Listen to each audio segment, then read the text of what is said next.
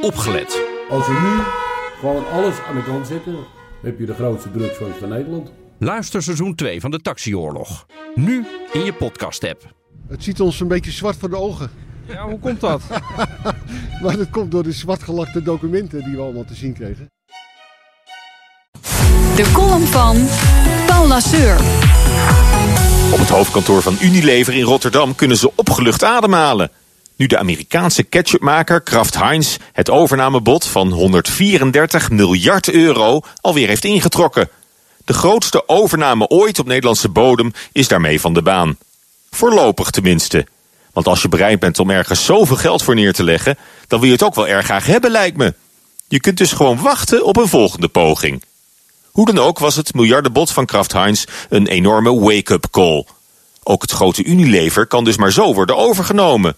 Het had weinig gescheeld of het trotse boegbeeld van de BV Nederland, het vlaggenschip van de AEX, was weggekaapt en kaalgevreten door een zwerm kapitalistische sprinkhanen uit Brazilië en Amerika.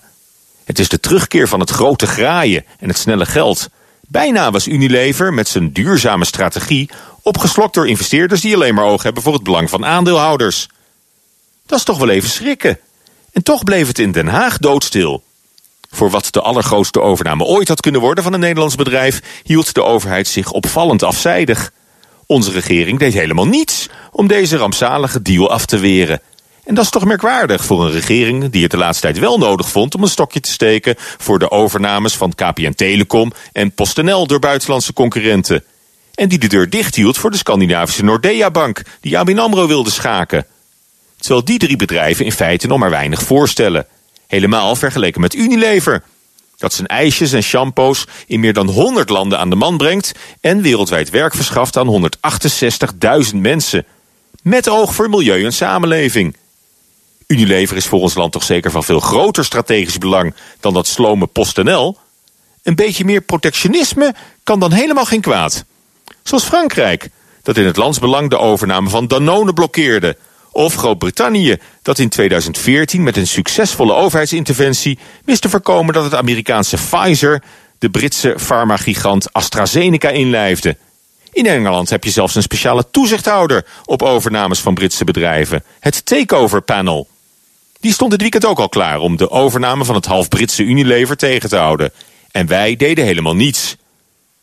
Dit weekend zijn we nog met de schrik vrijgekomen. Maar het gevaar is zeker niet geweken.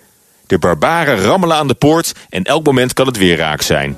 Hoog tijd dat de BV Nederland zich wapent tegen de buitenlandse roofridders. Prettige maandag. En dat zei Paul Lasseur. Op maandag onze columnist. En die kunt u terugluisteren via bnr.nl en de BNR-app.